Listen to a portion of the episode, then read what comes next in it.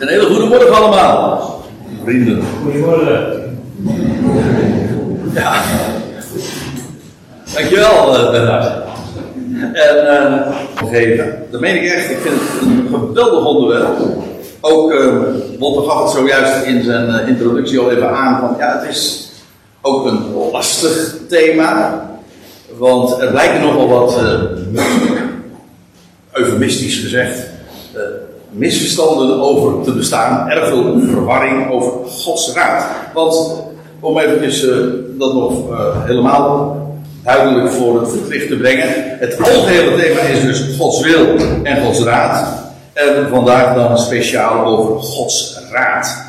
Um, nou, wat we de vorige keer, gisterenochtend dus hebben gezien, is ja, wat verstaan we onder Gods wil? Wel, die uitdrukking, Gods wil, ja, die komen we heel dikwijls natuurlijk in de Bijbel tegen. Maar wat is nou Gods wil? Nou, dat is wat Hij geopenbaard heeft en uh, verlangt. Um, wat we daarin zagen is dat er met de kennis, met de plaats geeft uit wie, door wie en tot wie alles is. Ja, wat is de logische consequentie daarvan? De, lo de logische eredienst is dat we ons lichaam, alles wat we hebben, uh, beschikbaar stellen. Hier bent u, uh, hier bent u, hier ben ik. En voor u, want ja, ik ben uw creatie. U hebt een bedoeling met mijn leven.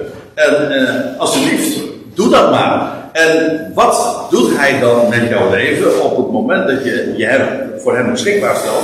Ja, dan ga je luisteren naar wat hij te melden heeft. En het geweldige is, hij legt je geen last op, maar hij vertelt je wie hij is. En wat hij bij machten is te doen.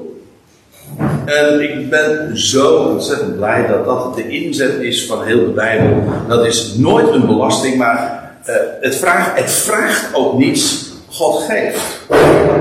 Dit ben ik, dit kan ik, dit ben ik bij machten te doen. En alsjeblieft, uh, uh, luister dan naar mij. En dat vernieuwt ons denken.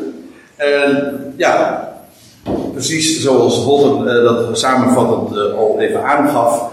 Op het moment dat je vernieuwd wordt in je denken, je gaat op een heel andere manier tegen de dingen aankijken.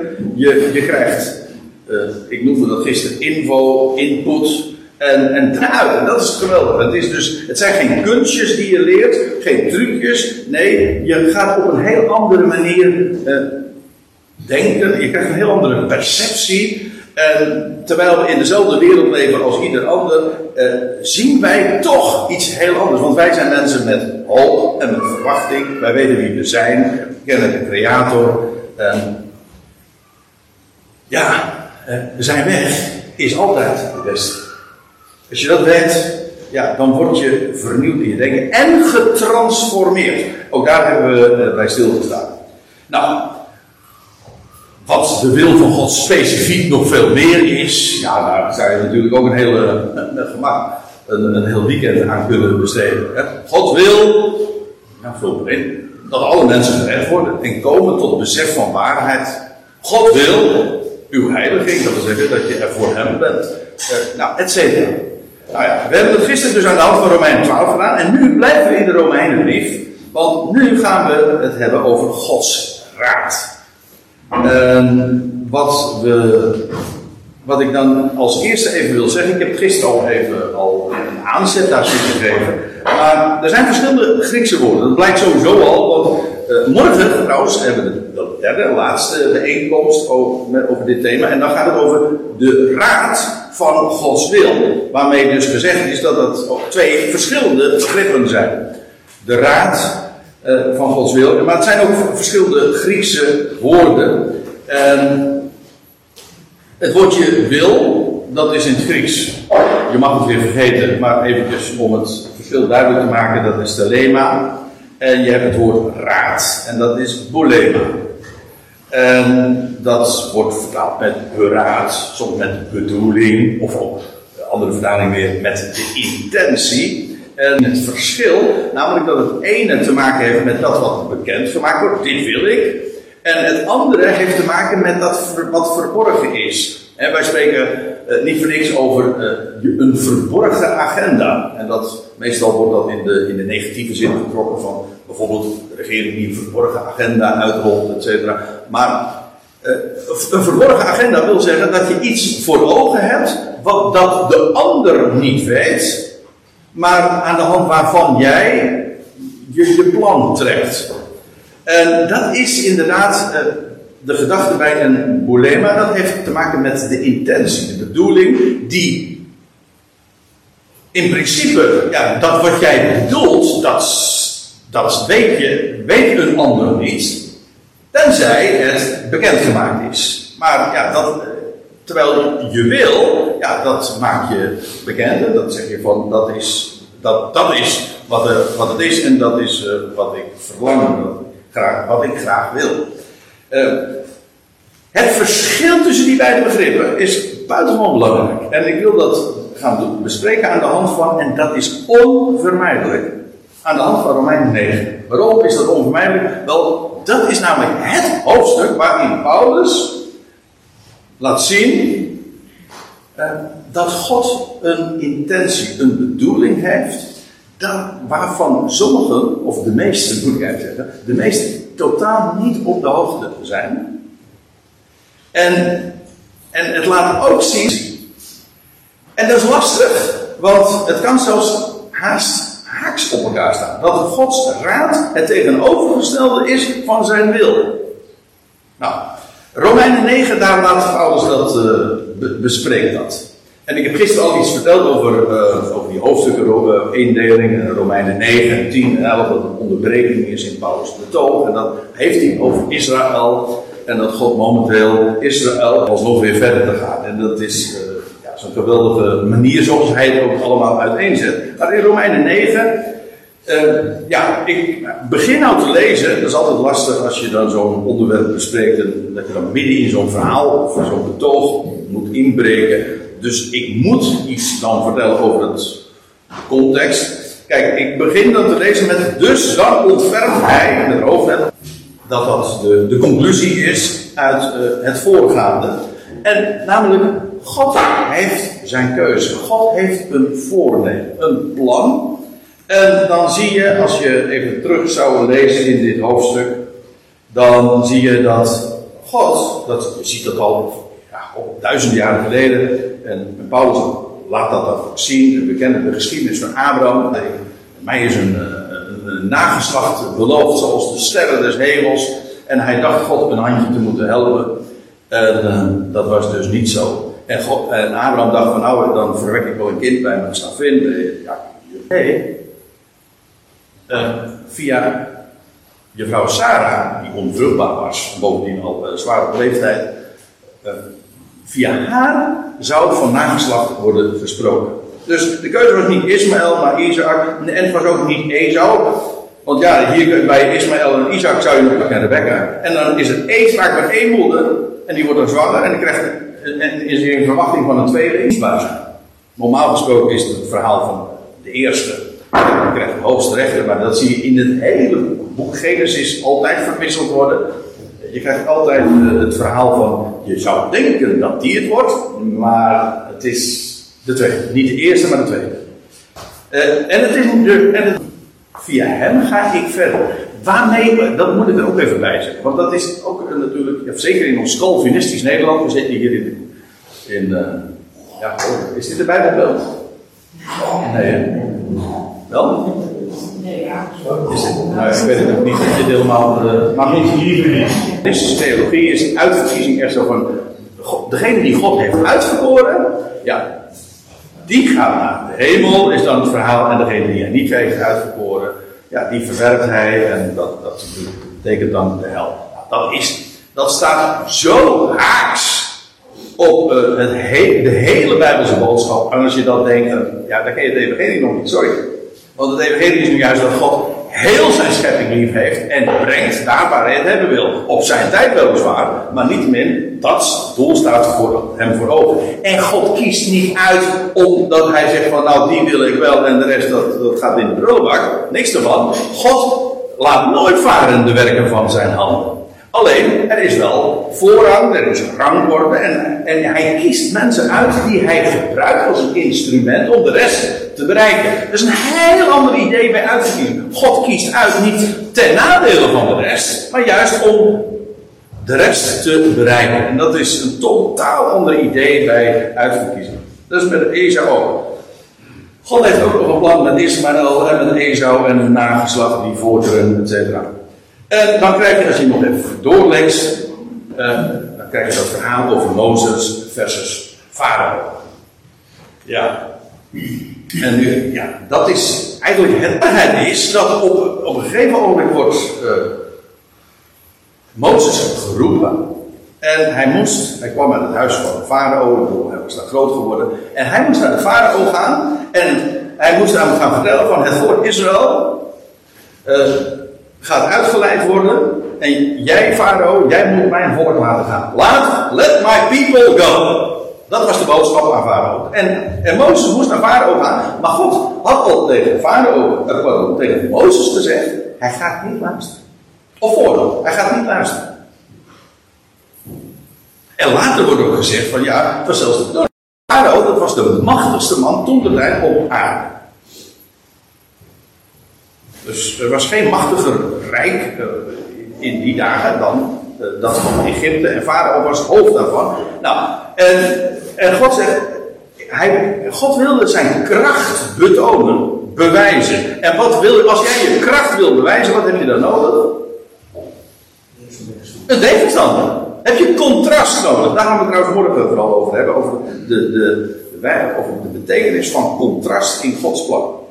Hij werkt daar altijd mee. Maar om, je hebt contrast nodig om te bewijzen dat je sterk bent. En dan, en dan een zwakke tegenstander is niet geschikt om te bewijzen dat jij sterk bent. Dat je sterke tegenstander bent. Dus Farao, dat is de hele, de hele. Dus ja, Mozes ging met de boodschap naar Farao. Laat mijn volk gaan. Dat, is mijn, dat was Gods wil dus. Maar Mozes wist iets wat Farao weer niet wist. Namelijk, hij gaat niet luisteren. En sterker nog, onder ons dat was ook niet de bedoeling. Kijk, begrijp je? Hier worstelen mensen. En rationeel begrijp ik dat ook goed. Maar het is wel zoals de Bijbel dat uiteenzet. Oké, laten we even doorlezen. Dus, uh, uh, dit is dus de conclusie. Dus dan ontfermt hij over wie hij wil. Ja, God zegt, uh, Isaac en Ismaël. En Jacob en Ismaël. En Mozes en Farao. Het is altijd die wel, die niet. Oké. En, en, er staat maar ook de andere kant van. Hij verhardt ook wie hij wil. En verharden wil zeggen, um, in dit geval ook, hij verhardt het hart. Dan krijg je dus een hart. Hart dat als steen is. Er staat in de, in de Hebreeuwse vertaling, in de Hebreeuwse tekst staat trouwens, hij God versterkte zijn hart. Want moet je over nog even weten, je, je kent wellicht de geschiedenis, daar ga ik een beetje gemakkelijk van uit, dat als farao dan die boodschap krijgt, laat mijn volk gaan, zegt nee, dat gebeurt niet. Nou, dan krijg je een plagen die over Egypte gaan.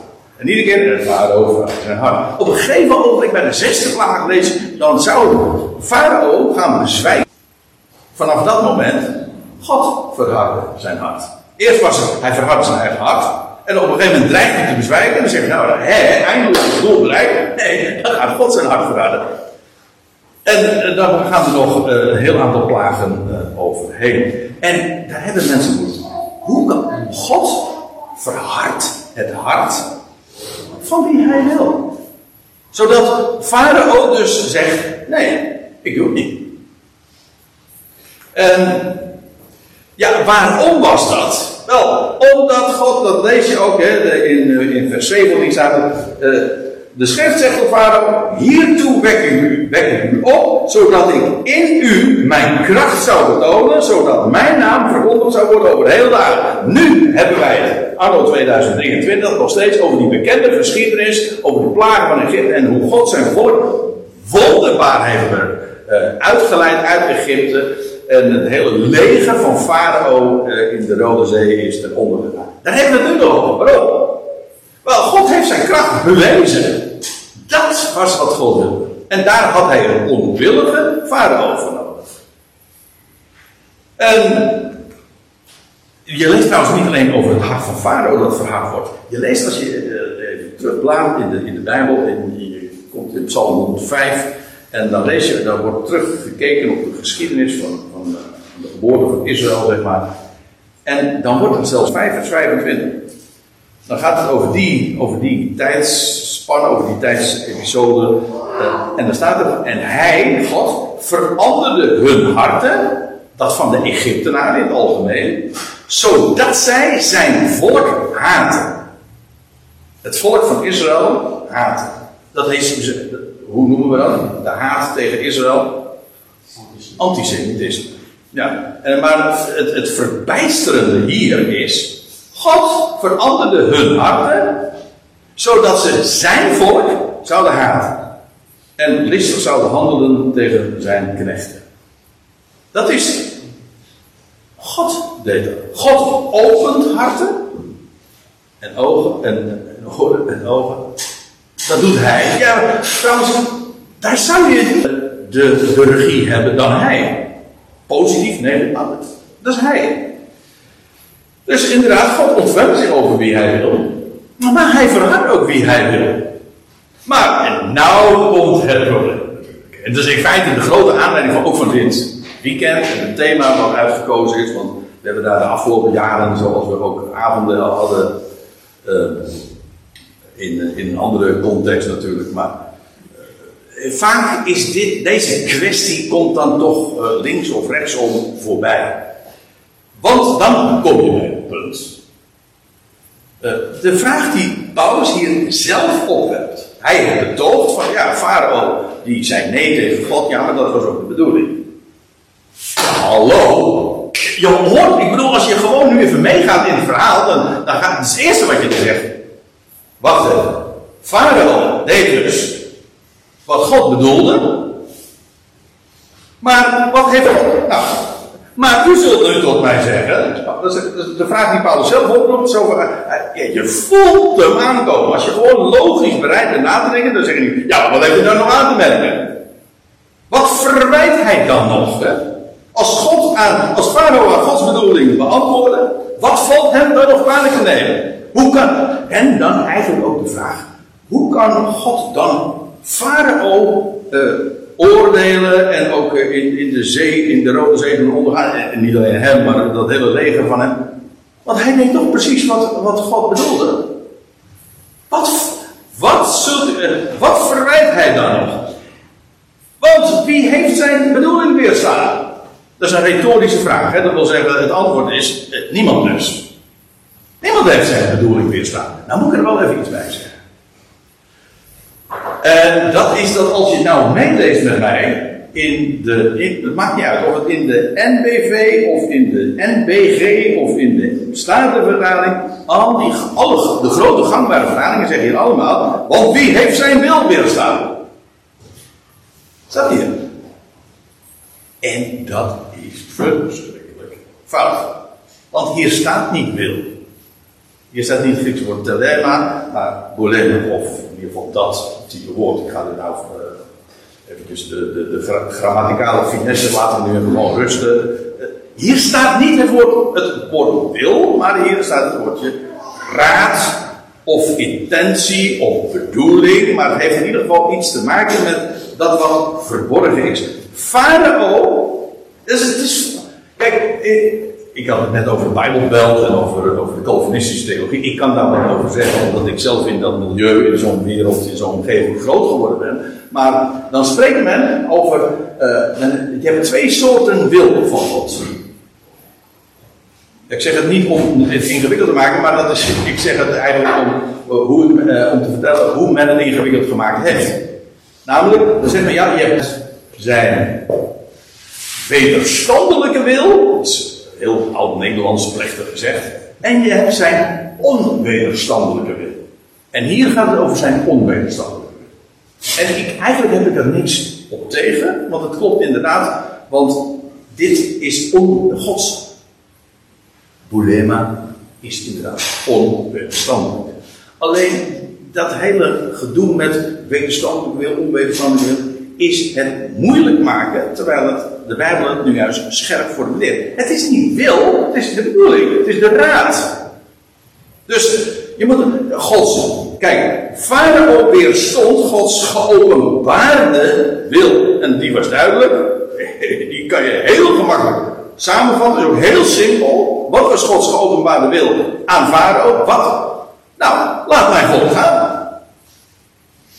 Maar wat was Gods intentie? Nou, dat Farao hem zou weerstaan. Hem, maar hoe kon Farao uh, God anders weerstaan dan wanneer hij iets deed, wat uh, iets niet deed, of iets weerstond, wat God vroeg, of eigenlijk vroeg, eiste. Dus, en zei nee, en dat was ook de bedoeling. Want zo kon God zijn kracht, want dat was de bedoeling, zijn kracht gaan betonen en wijzen. Dus, heeft, nou, weet u, gisteren begon ik mijn verhaal over, uh, eigenlijk als binnenkomen, met die vraag die ik even in jullie midden voorlegde. En toen kreeg je een verdeling van 50-50 ongeveer. Uh, van, uh, geschiet Gods wil altijd? En, en, en het antwoord van, ja, is, is dat waar of is dat niet waar?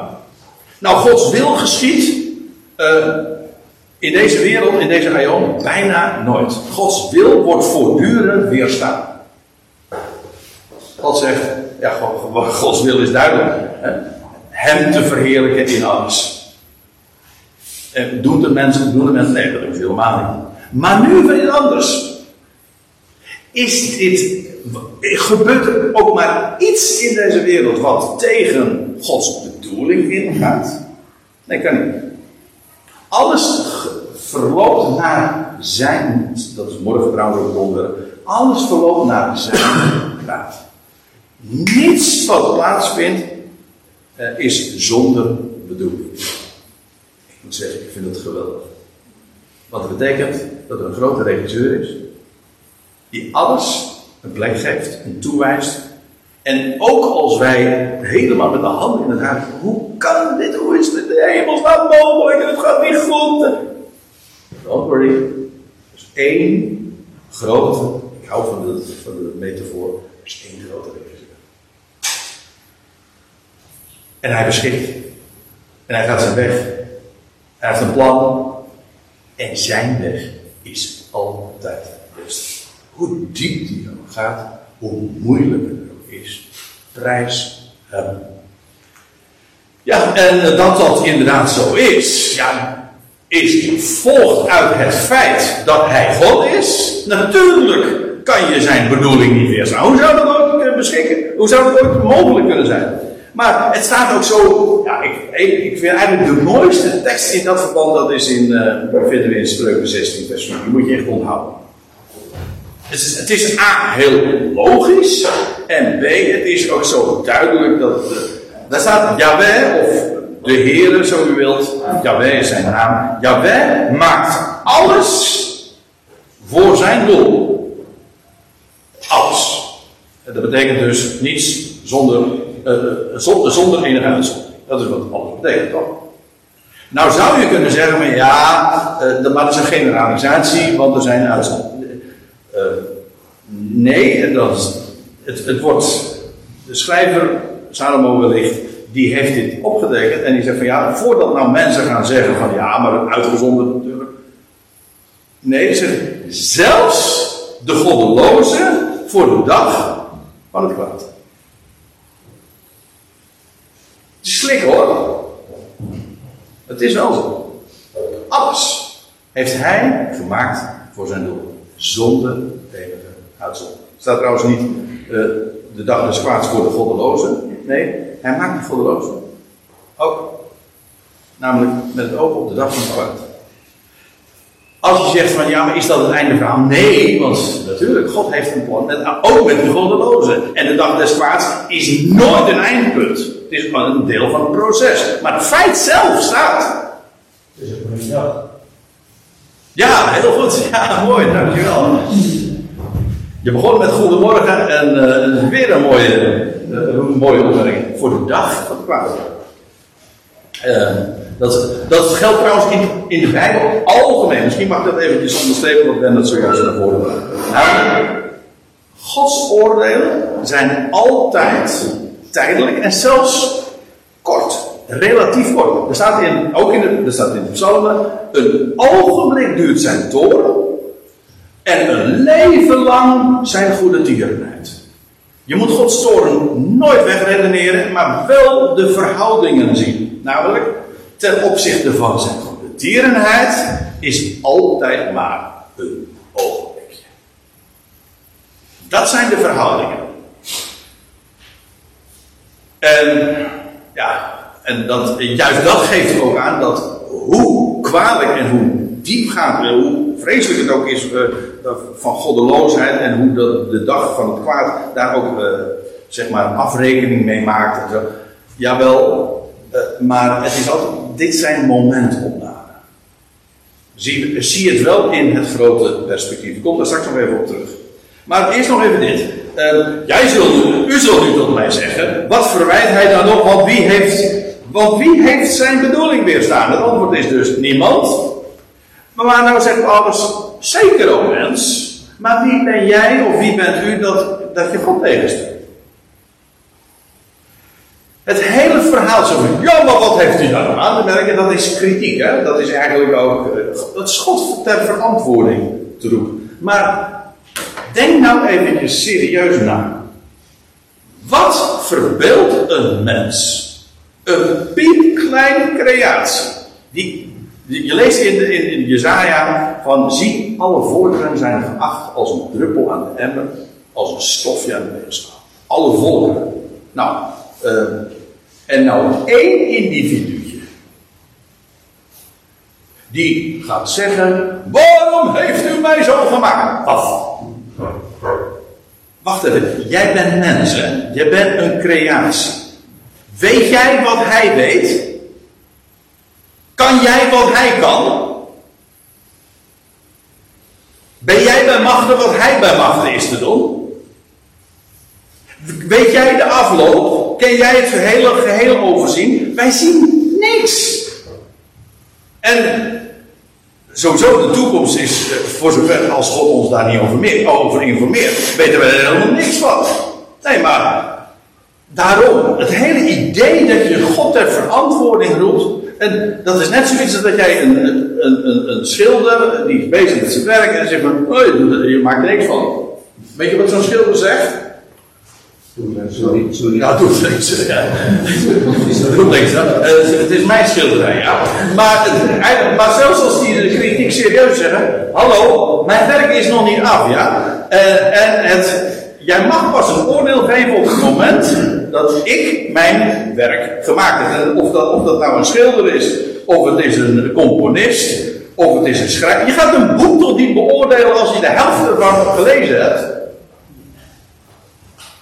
Je, een, nou, sommigen wel wel. Je kunt, je kunt er zelfs een recensent mee maken. Dat is onlangs nog weer in het nieuws dat, dat een recensent een boek helemaal gerecenseerd, een uitgebreid artikel had geschreven. En hij, bleek hem helemaal niet eens gelezen Dat kan. Maar dat is het. Het boek is nog niet af. Gods werk is nog niet af. Dus het loutere feit, we kennen het eind niet. Dus zeker, wie bent u nou? Wie, wie verbeeld je wel dat je bent? De, het is zulke groot, zulke hoogmoed. En dan, moet je, en dan is er één ding ter zake, en dat is dat je op je plek gezet wordt. Je bent een klein, nietig creatie die helemaal. Ja, sorry dat ik het even pad De ballen er verstand van hebt. Je weet er niks van. Dus wat dat verbeeld je wel om, om daar iets van te vinden. Nou, zeker moment. Wie ben jij dat je God tegenspreekt? En dan komt het dus de Bijbelse metafoor dan. Het geboetseerde. Of. Uh, ja, het, het geboetseerde zal dan toch niet tegen de boetseerder zeggen: Waarom maakt u mij zo? Het is, dit is wel een heel belangrijk punt. Van de week kreeg ik nog weer een. Uh, toespraak van een, eh, een evangelisch voorganger. En die zei van: Ja, de mens is geen marionet. Of een, nee, is een, een robot. Een mens is geen robot. Hè? Wij, nee, we zijn ook geen robot. Wij, in tegenstelling tot een robot kunnen wij iets willen doen. En, en, en, zijn wij een marionet? Nee, dat is geen bijbels. Wij zijn geen marionet. Uh, hoewel. Dus, marionet.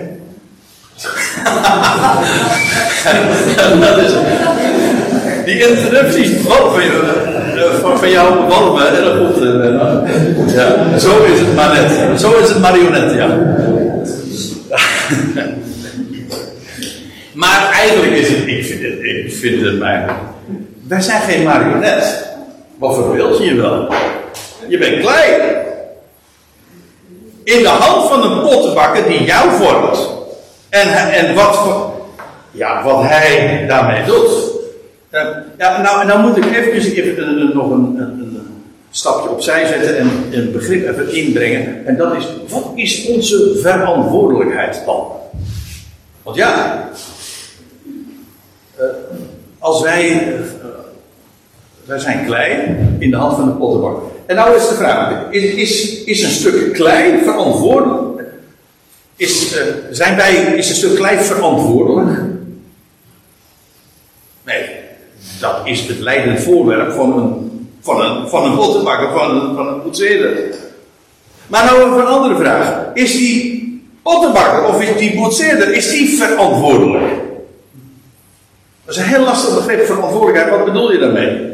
Bedoel je daarmee dat hij verantwoordingsschuldig is? Nee, natuurlijk niet.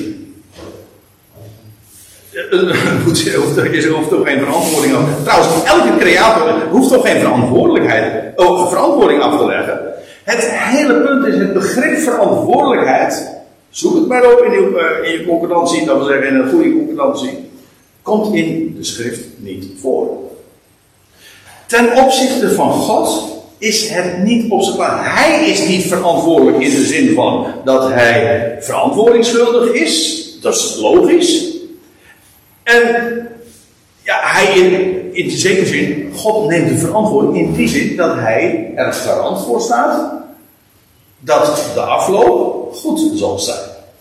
Maar het hele woord verantwoordelijkheid, om dat hierin te brengen, begrijp me goed. Natuurlijk, je bent, jij bent als werknemer verantwoording schuldig aan je werkgever. Ik ontken het begrip verantwoordelijkheid niet. Ik zeg alleen in de verhouding van pottenbakker, pot, of, uh, moet ik even, die moet ik even anders leren. Uh, in de verhouding boetseerder, boetseersel, is het begrip verantwoordelijkheid volstrekt niet aan de orde. Dus buiten, dat gaat er niet om. Om dat erin te fietsen, ja, dan, dan uh, dat is vraag om probleem.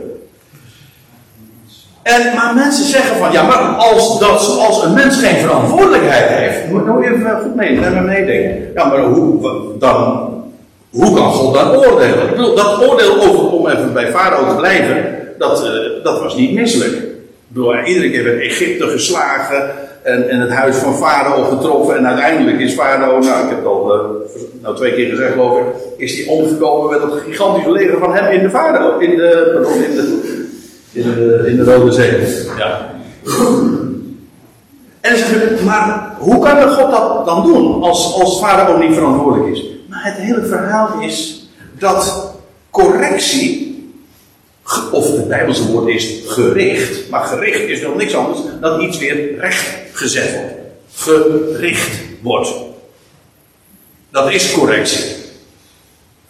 Correctie, en dat geldt ook trouwens voor oordeel. Weet je wat het Griekse woord voor oordeel is? Dat is crisis. God brengt in een crisis. Maar dat heeft niks te maken met het feit dat, dat Farao, om even bij hem te blijven, verantwoordelijk is. Nee, maar hij, hij, wordt, hij werd ge, gecorrigeerd. Niet op basis van het feit dat hij verantwoordelijk was. Maar om hem oprecht gezet worden. God is bezig daarmee. En trouwens, het verhaal is nog helemaal niet daar. Want toen de tijd is Farao omgekomen in de Rode Zee met het hele leven van hem. En dan zeggen van, hoe kan God dat doen? Dat is toch, dat is Ik bedoel, als een mens dat zou doen, dan zou je zeggen van, dat is moord. Ja, maar bij God niet. Als God doodt, gisteren hadden we het in, uh, na, afloop van de Bijbelstudie ook nog even daarover. Als God doodt, is dat geen moord, hè?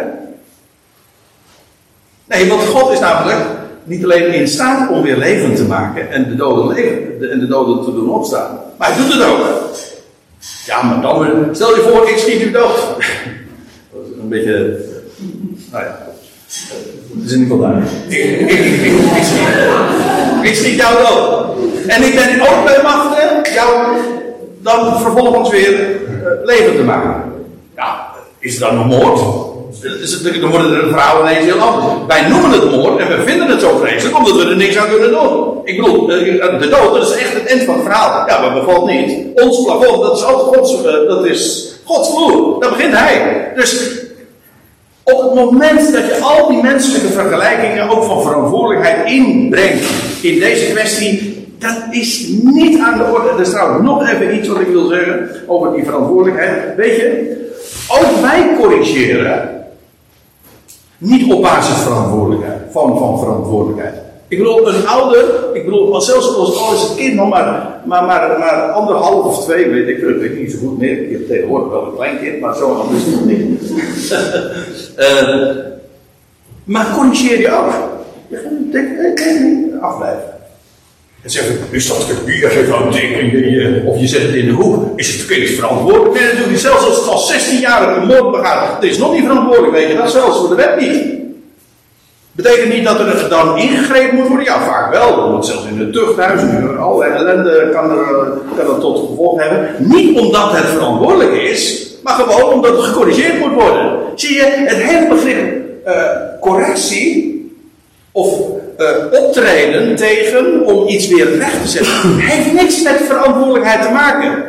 En dat geldt trouwens niet alleen in de opvoeding, het geldt ook voor allerlei beroepsuitoefeningen. Ik bedoel, een, timmerman die geeft een slag, die, die ziet iets kroms en die geeft een klap op, of een chirurg die, die zaagt iets door om iets te, recht te zetten, een, stuk bot of zo. En zegt van, is dat verantwoordelijk? Nee, natuurlijk niet, maar het moet wel gecorrigeerd worden.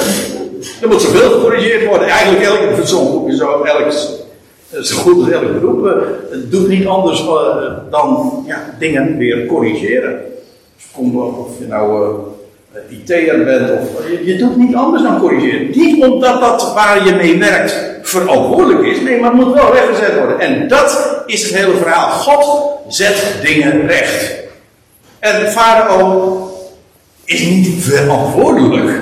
Nee, maar hij moet wel gecorrigeerd worden. En dan gaat trouwens, het, hij gaat straks ze gaan millennia overheen. Farao is toen omgekomen.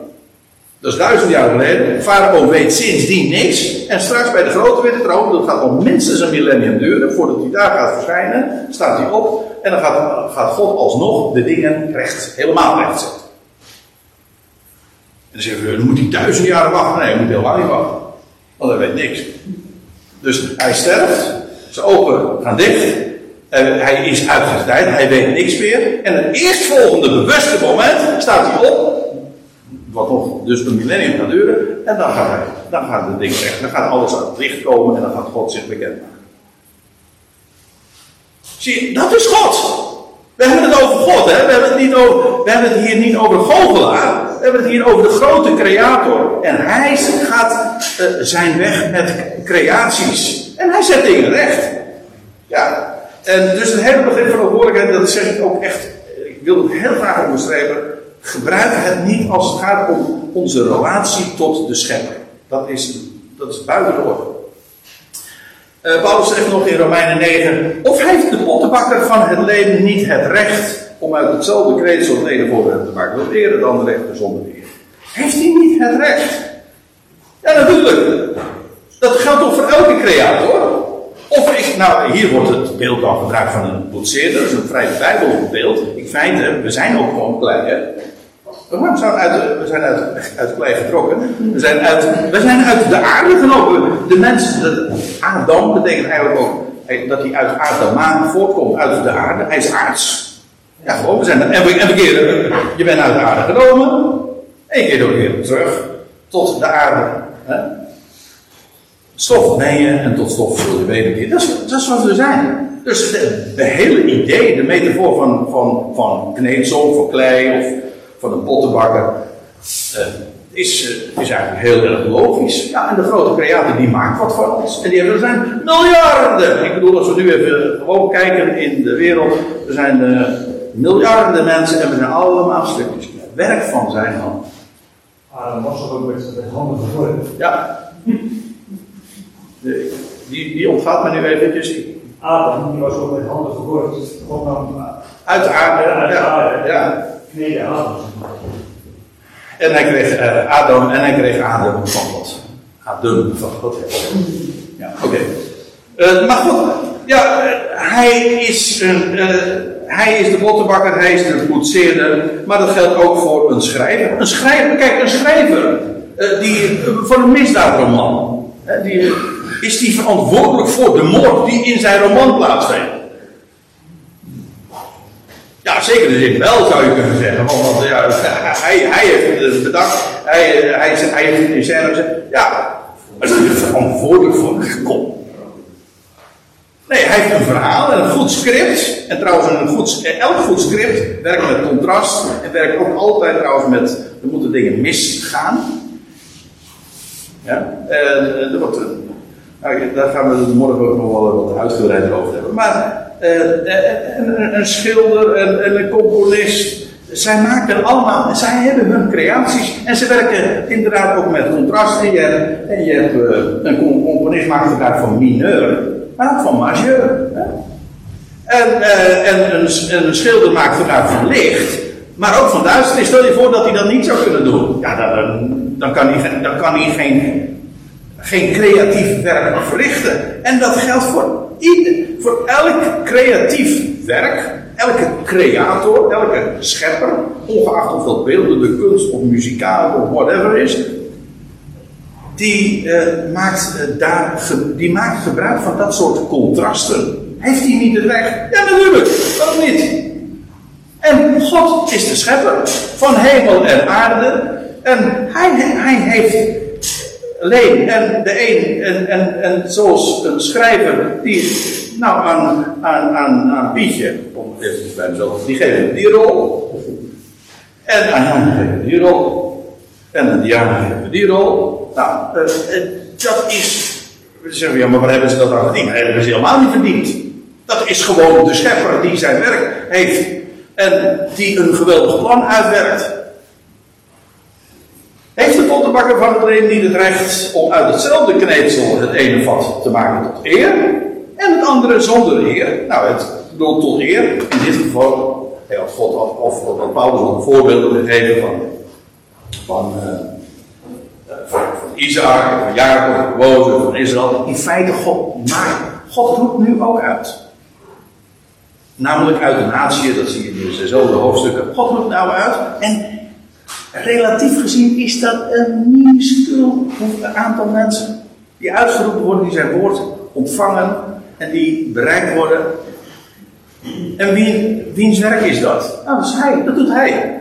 Is dat een verdienste? Nee, dat, dat valt. Het is, dat is toevallig dat ik een gelovige ben. Is zeker zin. Het is een lot uit de loterij als je hem mag kennen hoor. Het valt je toe. Dat is geen verdienste. Je bent er ook niet beter door. Het is een geweldig voorrecht. Inderdaad, ik hou wel van het woordje toeval. Als je het goed beluistert of als je het goed formuleert, het valt je namelijk toe. En dat is, ja, dat doet hij. Groot. Wie anders? En hij uh, maakt vaten tot eer. Mensen die hij speciaal voorbestemt. Hij, hij, hij bestemde Abraham voor. Hij bestemde David voor om koning te zijn van Israël. Niet omdat uh, omdat alleen David voor hem interessant was en Israël niet. Nee, in tegendeel. Israël had, wilde hij een koning geven. Nou, dan had hij David voor uitgekozen. En zo werkt uitverkiezing altijd. God kiest uit. Om de rest te bereiken. En dat is trouwens ook de reden waarom wij, of ik zeg niet wij, ik ga er nu even gemakshalve vanuit, dat jullie allemaal hier zitten. Of, of dat waar, dat weet ik niet, maakt me ook niet uit. In zekere zin.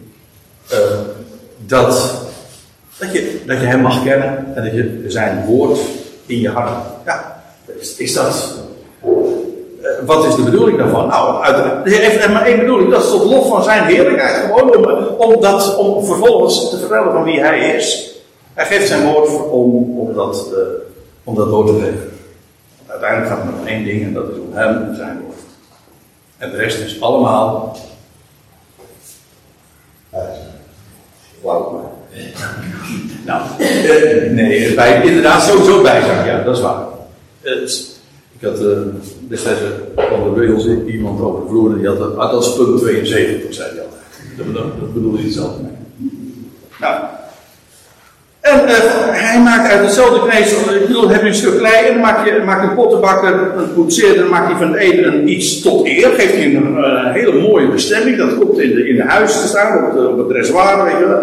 En er zijn anderen die zonder eer zijn. Gewoon in de NBG-vertaling staat dat is, dat is al, alledaags. Ja, er zijn, er zijn vaten die je op het dressoir zet, of waar je op het servies. En er zijn, er zijn vaten die onder het bed zet. Of wat dan ook. Is het. En die wat minder eervol zijn, maar zo wat. Het, het, heeft allemaal een bedoeling. Het ene is eervol, het andere is, is, minder, is niet eervol. Dat betekent ook trouwens niet dat het een schande is. Het is zonder eer. Het heeft, het heeft, heeft niet de glorie die je geeft al om, het, om, het, zo, om daarmee de troon om te lukken. Maar. Uh, nou, nog even, dit wil ik heel graag uh, benadrukken. Ook vaten zonder eer, en dat zeg ik vooral als je met een, een idee van uitverkiezing zit, hè, waarbij je echt uh, het idee hebt van, nou, die zijn uitverkoren en de rest niet, dus dat gaat, dat gaat helemaal niet goed. Nee, want ook die vaten zonder eer, of die voorwerpen zonder eer, dat zijn, is werk van Gods handen. En wat lezen we over, Gods werk van, over het werk van Gods handen? Dat verlaat mij niet. Hij heeft, moet je even, goed over nadenken. God maakt niet iets om het vervolgens om er niks mee te doen. Hij heeft met alles een plan. Hij heeft geen prullenbak. Hij, hij heeft met alles, met al zijn creatie, heeft hij een bepaald plan. En het ene is eervol. Het andere is minder eervol. Maar het is allemaal, het zijn vaten van zijn hand. Vaten waar hij, voorwerpen waar hij iets mee doet.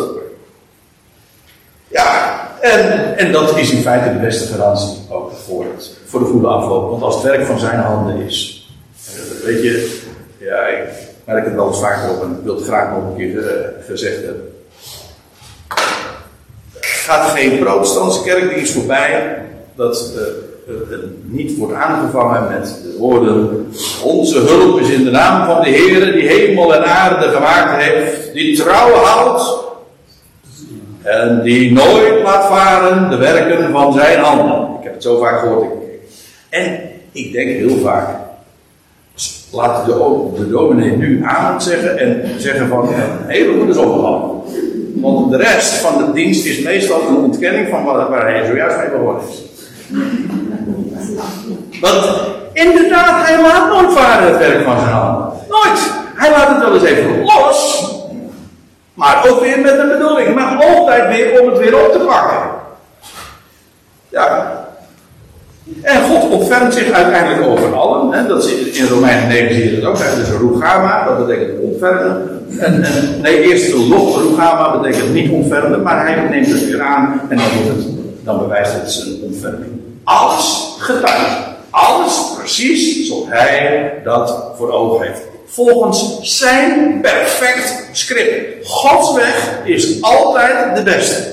Vergeet dat never, nooit. En als je, voor mij zou je echt alles vergeten, maar vergeet dit nooit. Gods weg is altijd de beste. Als je dat weet, heb je een gelukkig leven, kan je echt verzekeren. En als het helemaal in je bestaan shit is, ik zeg expres zoals, zoals we het in de alledaagse uh, sfeer ook dat zeggen. Als het helemaal shit is, als je zegt waardeloos. Ik kan er nog meer termen voor bedenken, maar die moet je zelf maar eventjes invullen. Bedenk dan dit. Zijn weg is het beste. En zeg het. Beleid het. Want daarmee geef je hem de eer. Op het moment dat je dat zegt, ben je een vat tot zijn eer. Dus niet, ben je nog steeds zijn vat, maar niet van eer. Nou, ik wil nog een paar schriftplaatsen noemen. Nou, eh, die dit onderstrepen, ja, ik, ik, vond het pijnlijk eigenlijk om bij Romeinen 9, vers, wat was het nu, uh, vers 21 af te sluiten. Want ik had graag vers 22 en 23 nog bij getrokken. Ja, ik heb mezelf voorgenomen om niet langer, max een uur te spreken. Uh, maar dus vandaag. Uh, dus dat doen we een andere keer. Maar ik wil, het gaat even dus om het feit dat alles wat God doet, is in overeenstemming met zijn plan. Job 42, dat is het eind van een heel lang uh, boek. Een uitgebreid boek waarin ook zoveel het over lijden en moeite, leed enzovoort. Nou, ik wil, ik wil dit zeggen, hoeveel leed je ook hebt ondergaan. Er is niemand die hier zoveel leed heeft ondergaan als ooit Job. We spreken niet voor niks over Jobstrijdingen. Nou, die hebben uh, voor zijn kiezen gekregen hoor. En op een gegeven ogenblik en dan zegt, de, dan zegt de vrouw van, joh, laat, God, laat God opvaren. En dan zegt hij, zouden wij het goede van God aannemen, het kwade niet? Op een gegeven moment moet ik er ook eerlijkheidshalve bij zeggen, dan wordt het Job ook te veel. En dan vervloekt hij zelfs de dag van zijn geboorte. Was ik maar nooit geboren. Denk een heleboel mensen. Maar we denken dat God je voor niks heeft laten geboren worden. En dat doe ik niet. Hij is de creator. Je bent werk van zijn handen. Je bent niet alleen door hem gemaakt, maar ook door hem bedacht, uiteraard. Nou, en dan zegt Job aan het eind van. Ja, ik, ik had ooit van oren zeggen van u vernomen. Hij zei, maar nu hebben mijn ogen u gezien. Door al die moeite heen heeft Job uiteindelijk gezegd: daarom was het. En nou zegt hij aan het eind: ik weet dat u alles en dan niets van uw plan wordt vereist. Kan niet. Onmogelijk. Alles gaat naar zijn raad. Kijk, dit is God ingreep. Niet omdat je dat voelt, niet omdat je dat ziet, niet omdat de wereld dat zegt, want de wereld zegt precies het omgekeerde. Die zegt van, God maakt er een soort van, als dat God van liefde is, en weet je, die hebben, daar, die hebben hun oordeel al over God, terwijl het werk nog lang niet af is. Pure hoogheid. Pure dwaasheid. Sorry dat ik het zeg. En het is ook gewoon eerlijk. Nee, maar dat je tot deze erkenning komt. Ik weet dat u alles mag en dat niets van uw plan wordt verrijkt. Nou, er nog één, ja, die moet ik ook nog. De geschiedenis van, van Jozef. Je kent de geschiedenis van Jozef, want Jozef was overkomen. Dat, dat hij door zijn broers naar Egypte was verkocht. Zal er het was eigenlijk in feite een beraden moord trouwens, dat Jacob dacht ook dat hij vermoord was. Nou, je kent het verhaal, ik ga het tenminste, ja, anders zal je niet begrijpen wat ik nu ga vertellen. Maar Job, of, uh, Jozef die komt in de gevangenis uiteindelijk, ja, Gods leven zijn wonderbaarlijk. En komt hij toch op de troon daar in het land Egypte. Om een lang verhaal kort te maken, er komt hongersnood. De broers van Jozef komen uiteindelijk weer uh, bij hem aan. En uh, ja, Jozef is incognito, hij, ze herkennen hem niet. Ze hadden ook never nooit in de, op het idee kunnen komen dat ze oog in oog stonden met die broer die ze ooit hebben verkocht. Zoveel jaren geleden. Ja, en dan lees je uh, dat uiteindelijk, want Jozef die wilde hen eerst in, in, de goede mindset brengen. Dus hij maakt het ze heel moeilijk. Heel bewust heel moeilijk. Is mooi. Dat kan een bedoeling hebben. Om het heel moeilijk te krijgen. Dat je eerst helemaal aan de grond eh, bent. En pas dan. Oké, nou gaan we weer praten. Oké, en dan maakt hij uiteindelijk. Dan lees je. Uh, Jozef, hij, toen kon hij zich niet langer meer bedwingen. Toen joegde iedereen weg uit, uit, de, het paleis of uit het, hof. Allemaal weg deze Dan was hij alleen nog maar broers. En, en, dan lees je dat hij snikkend naar ze komt. Hij zegt: Ik ben Jozef. Ik ben Jozef, want jullie hebben verkocht naar de Egypte. Ja, ze terugdeinzen, al was het natuurlijk maar een pure angst. Dat zij dachten van, nou, nou zwaait er wat. Eerst, eerst de verbijstering, dat kan niet. En dan vervolgens, ja, maar als dat zo is, dat kan niet anders, want hij spreekt de Hebreeuws voor ons. Dus, nou, en dan dat. Dan, uh, en, dan, en dan gaat Jozef uit. En ze zijn er allemaal bang. En weet je wat Jozef dan doet? Die moet je echt onthouden. Dit is, dit is zo geweldig illustratief. En dan zegt Jozef dit. En God heeft mij voor jullie aangezicht hierheen gezonden. Om voor jullie nu een overblijfsel te stellen in het land. Om jullie te doen leven tot een grote verlossing. Ik bedoel, wat hij eigenlijk zegt is. Uh, ja, ik ben. God heeft mij hierheen gezonden. Waarom? Nou, om jullie in het leven te. God heeft mij. En dan zegt hij, om dat te, onderstrepen, in vers 8 nog bij. Nu dan, niet jullie hebben mij hierheen gezonden. Wat krijgen? Wat hadden ze nou gedaan? Ze hadden hem verkocht. Ze hadden hem ook verkocht als slaaf naar Egypte. Maar Jozef ziet daar helemaal voorbij. Dat was de schuld van de broers van Jozef. Ik bedoel, puur platgeslagen, menselijk gesproken, was dat de schuld van die broers. Toch? Dat is uh, onvermijdelijk. Dat is gewoon de vaststelling. Zij hadden dat gedaan. En Jozef zegt: nee. Dat mag oppervlakkig gezien zo zijn. En inderdaad, jullie hebben schuld. En toch, het was het lot. Ja, ik bedoel, niet toevallig, maar het lot. God, niet jullie, hebben mij hierheen gezonden. Dat denk zou je denken. Daarom had Jozef al die jaren ook vrede op. Waarom? Jozef wist, bij God gaat er nooit iets mis. Bij God gaat er nooit iets mis. En dan zit ik hier in de, in de gevangenis, of ik zit eerst in die put, en mijn Jozef dat, als je in de put zit, dan moet je nooit van over. Maar uh, en vervolgens komt hij daar in de gevangenis. Ja, en, de, Jozef wist. Is God weg? Voelde hij dat? Nee. Zag hij het? Nee, ook niet. Hij wist het. Hij had Gods belofte. En de, weg is. En hij zei: Niet jullie hebben mij hierheen gezonden. Maar God heeft mij gesteld tot Farao's vader en heer over alles van zijn huis. En tot heerser in het hele land van Egypte. Nou, dit moet toch duidelijk zijn dat hoewel het waar is dat er sprake is van schuld, ook van bijvoorbeeld een vader, zijn ze schuld? Ja, natuurlijk, dat is waar. Maar de hogere waarheid, het goddelijk perspectief is dat alles, ook dat kwade, ook die schuld, ook die ellende, ook dat, die miskenning, God heeft zijn weg erin uh, getrokken. En God trekt zijn plan. Door alle ongein van de mensheid. Uh, kun, je dat, uh, kun je dat traceren? Nee. Dat is. Dat, dat, en hoe zit het dan met de menselijke verantwoordelijkheid en, en, en, en Gods raad? Ik wil afsluiten met Romeinen 11.